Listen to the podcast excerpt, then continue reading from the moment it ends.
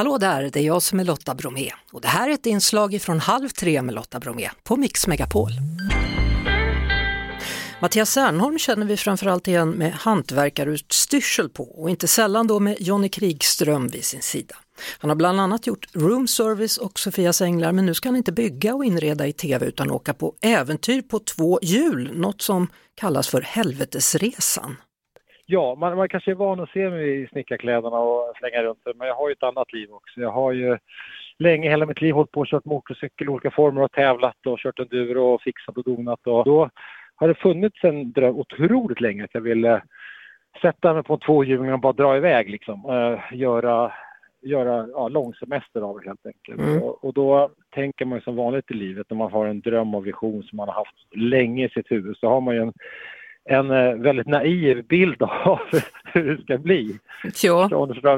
Du känner igen det kanske? Eller? Eh, det blir inte alltid som man har tänkt sig, nej det vet jag. Nej, verkligen så, verkligen så. Ja. Och, vi stack iväg, det började väl fint men sen var det ju både vurper och motstånd och, oj, oj. och väder och tid emot oss så att det blev rätt kämpigt får man ju säga. Mm. Och eh, ja, det blev väldigt kämpigt. Så då, då liksom morfades den här resan om. Det var fortfarande en drömresa i grunden hela tiden, det är det ju. Men det blev ju liksom, eftersom det var fem personer som skulle dela det här äventyret, så blev det ju det är berättelse om vi som grupp. Det mm. handlar egentligen ingenting om motorcykel och resan utan det berättar, det berättar våran, eh, om vår grupp, vad som hände för oss på den här resan. Ganska många mil.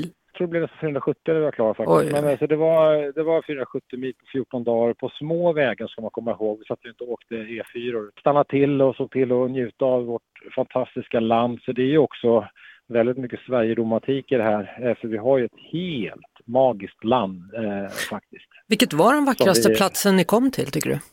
Allt ifrån när man är uppe i ödsliga Norrland, för det är ödsligt på grusvägarna där uppe när man åker runt och man känner sig jävligt ensam och till att man eh, sitter nere i Skåne och åker från eh, mindre by till mindre by och längs kusterna och alltså det är allt är vackert.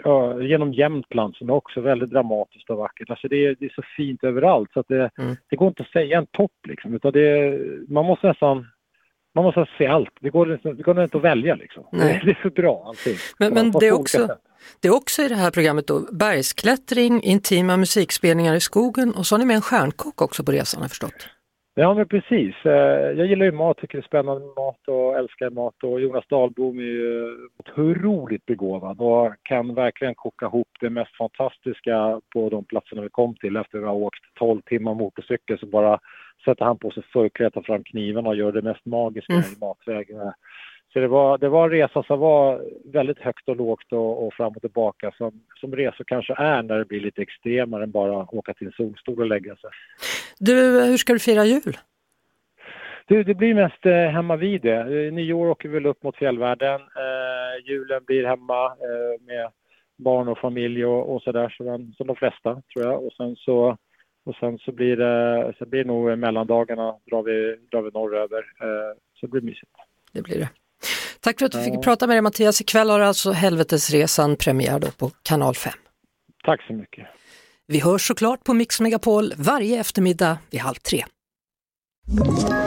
Ett poddtips från Podplay. I podden Något Kaiko garanterar östgötarna Brutti och jag, Davva, dig en stor dos skratt. Där följer jag pladask för köttätandet igen. Man är lite som en jävla vampyr. Man har fått lite blodsmak och då måste man ha mer. Udda spaningar, fängslande anekdoter och en och annan arg rant. Jag måste ha mitt kaffe på morgonen för annars är jag ingen trevlig människa. Då är du ingen trevlig människa, punkt. Något kajko, hör du på podplay. Därför är gardinerna.